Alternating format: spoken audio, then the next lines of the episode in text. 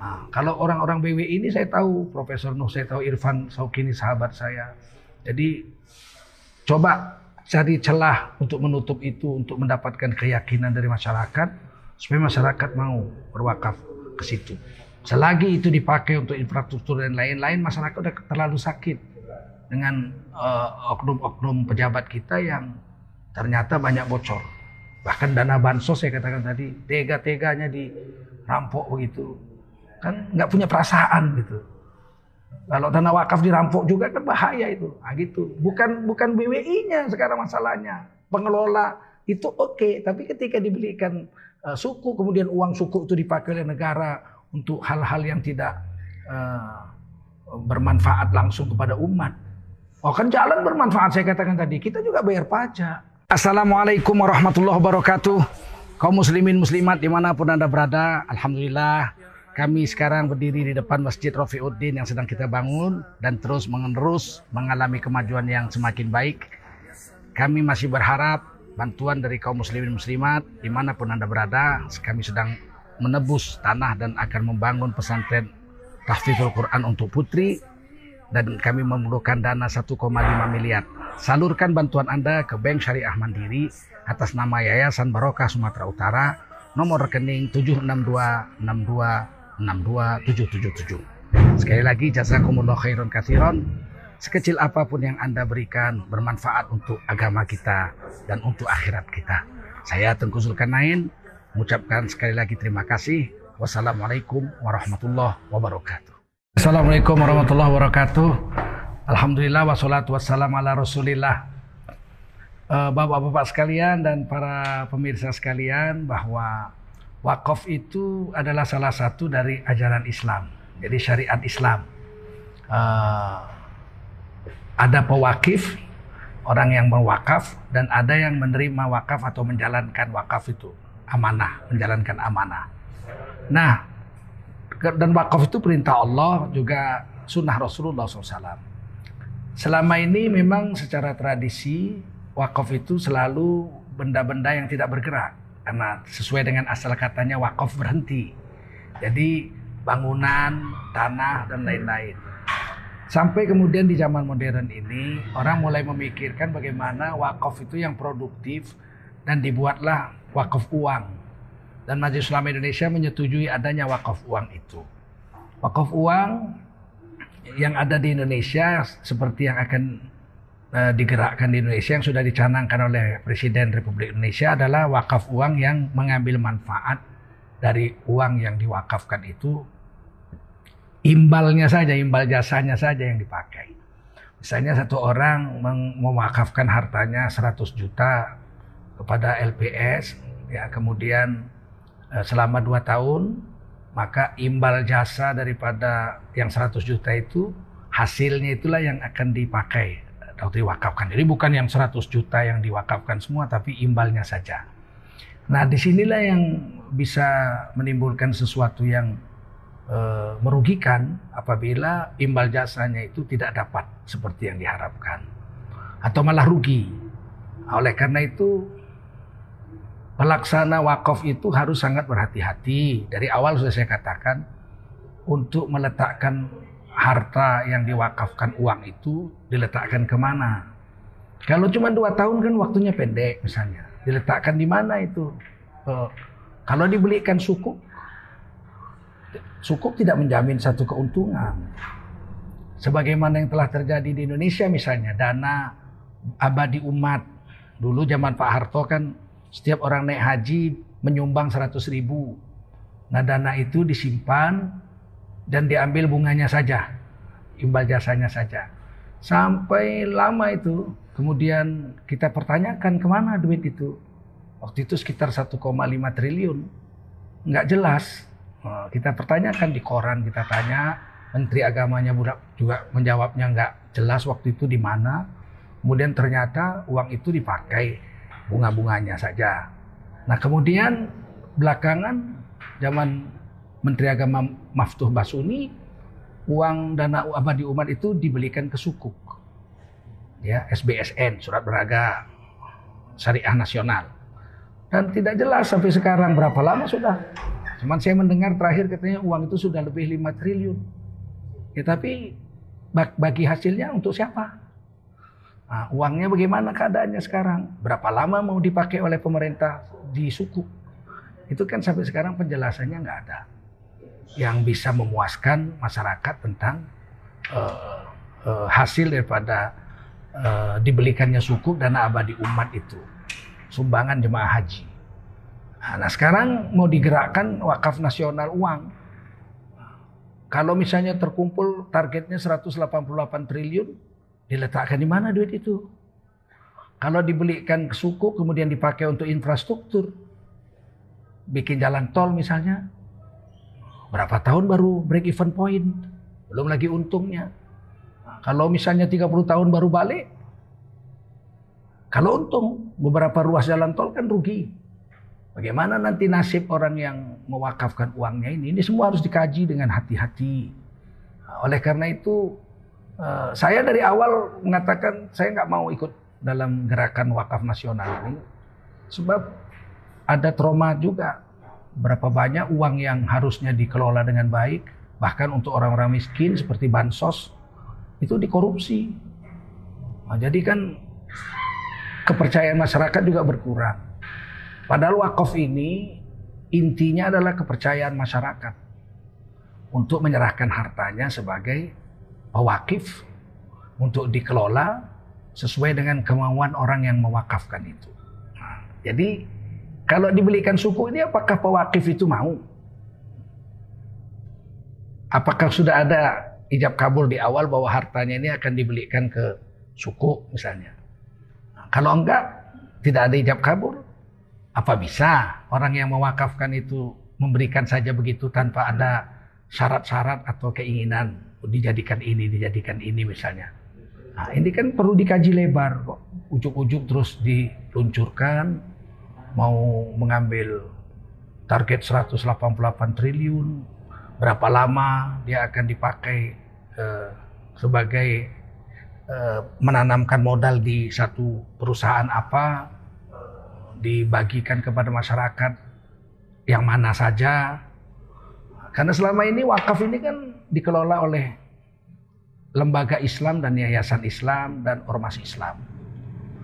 misalnya Muhammadiyah itu banyak sekali wakaf-wakaf umat yang semuanya itu jelas atas nama organisasi Muhammadiyah. Semua. Tidak ada organisasi Muhammadiyah itu yang hartanya itu milik pribadi nggak ada. Di sementara di ormas yang lain sekolah mereknya itu sekolah eh, organisasinya tapi miliknya milik pribadi daripada pengelola sekolah itu. Di Muhammadiyah nggak ada.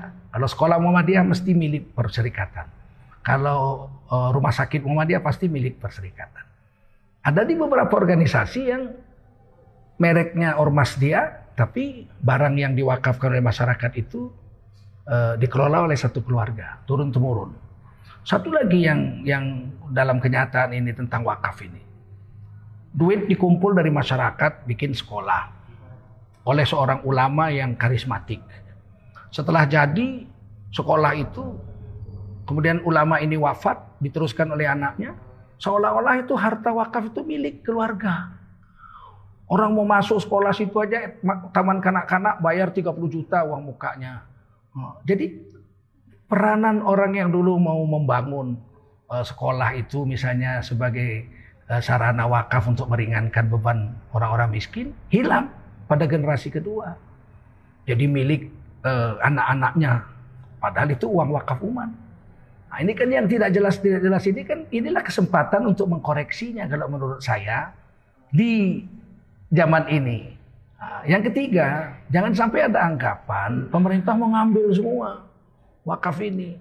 Jangan sampai ini nggak boleh.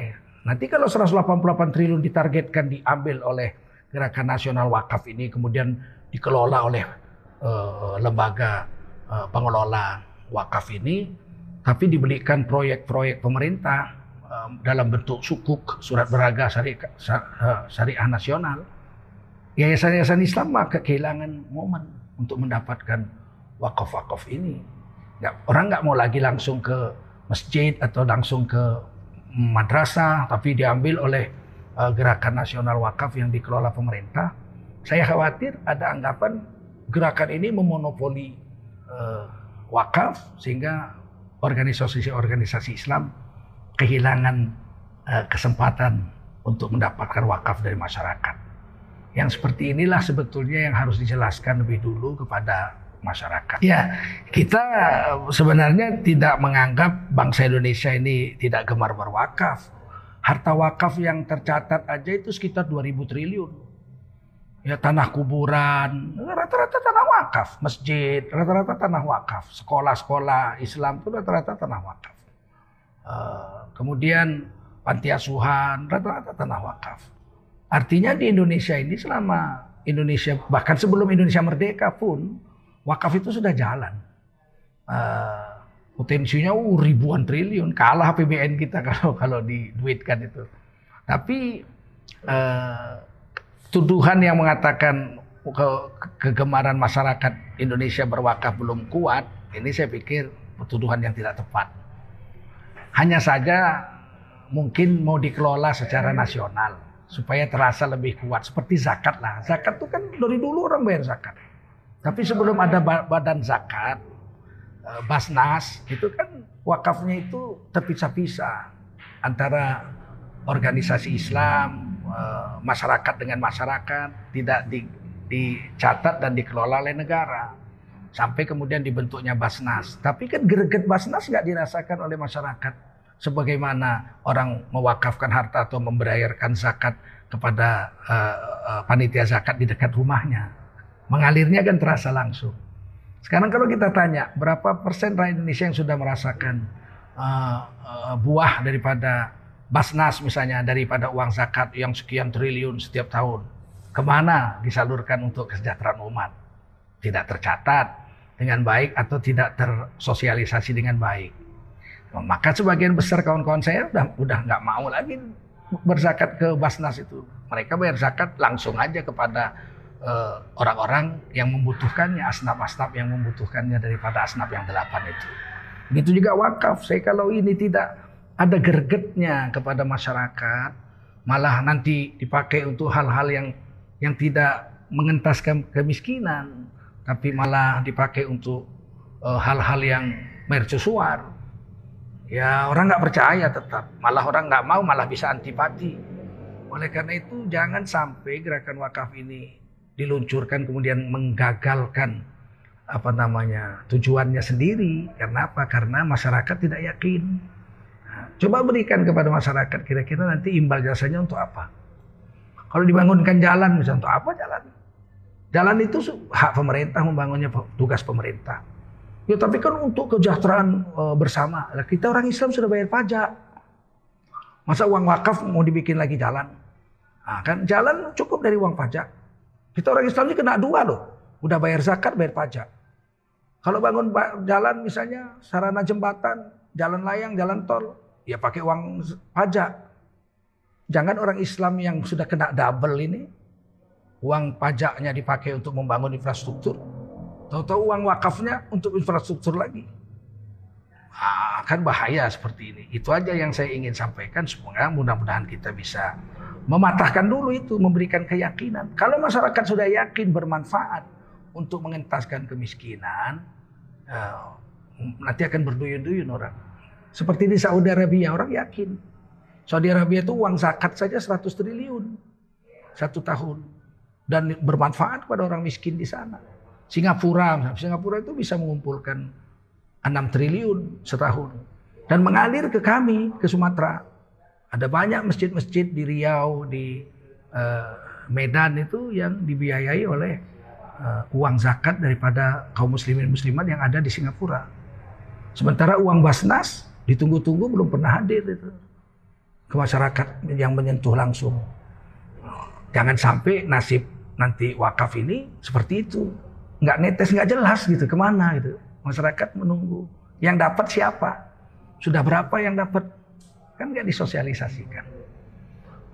Sampai ada anggapan ini pemerintah terdesak duit, kemudian dia mau memakai dana wakaf itu untuk menyelesaikan program infrastrukturnya. Ketika utang sudah 6.000 triliun, pidato presiden misalnya kemarin tetap menjalankan infrastruktur yang besar-besaran.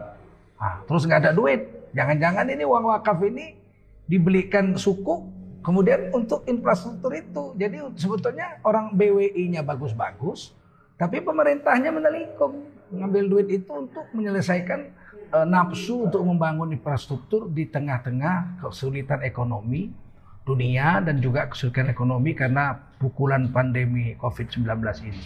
Yang harusnya dikurangi, digas ke situ, BWI beli suku, sukunya dipakai untuk membangun infrastruktur yang semestinya dikurangi. Nah ini yang yang kemudian orang nggak mau nanti akan memberikan wakafnya kepada pemerintah, dia akan langsung aja ke organisasi-organisasi Islam atau yayasan-yayasan Islam yang impactnya itu bisa dirasakan langsung oleh pewakifnya. Karena misalnya saya nyumbang yayasan pendidikan uh, di dekat rumah saya, anak-anak kampung saya sekolah di situ, itu kelihatan langsung. Daripada nanti untuk infrastruktur nggak jelas atau rugi infrastrukturnya dan sebagainya sebagainya. Ini yang harus ditutup. Lobang ini kalau pemerintah harus meyakinkan, saya pikir memang butuh orang-orang yang dipercaya kalau sosok-sosok yang sudah ada ini kan ngomong aja orang udah ragu. Nah, kalau orang-orang BW ini saya tahu Profesor Nuh, saya tahu Irfan Saukini sahabat saya. Jadi coba cari celah untuk menutup itu, untuk mendapatkan keyakinan dari masyarakat supaya masyarakat mau berwakaf ke situ.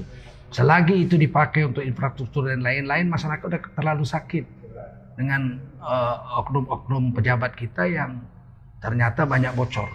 Bahkan dana bansos saya katakan tadi, tega-teganya dirampok begitu. Kan nggak punya perasaan gitu. Kalau dana wakaf dirampok juga kan bahaya itu. Nah, gitu. Bukan bukan BWI-nya sekarang masalahnya. Pengelola itu oke, okay, tapi ketika dibelikan uh, suku kemudian uang suku itu dipakai oleh negara untuk hal-hal yang tidak uh, bermanfaat langsung kepada umat. Oh kan jalan bermanfaat saya katakan tadi. Kita juga bayar pajak. Orang Islam tuh bayar pajak, uang pajak untuk jalan. Kenapa uang zakat untuk jalan juga? Jadi orang Islam kena dua kali. Sementara orang lain yang nggak berwakaf, karena cuma dalam ajaran agamanya dia cuma uh, membayar pajak sebagai warga negara, dia kena sekali, kita kena dua kali. Kan sakit sekali itu kalau begitu. Nah, jadi inilah saya pikir pesan saya, mudah-mudahan bisa diperhatikan oleh kawan-kawan di BWI dan semoga kiranya kesalahpahaman atau ketidak keyakinan masyarakat kepada pemerintah untuk nanti-nanti jangan-jangan mengambil dana ini bisa dieliminir, dikurangi atau mungkin dihapus. Terima kasih.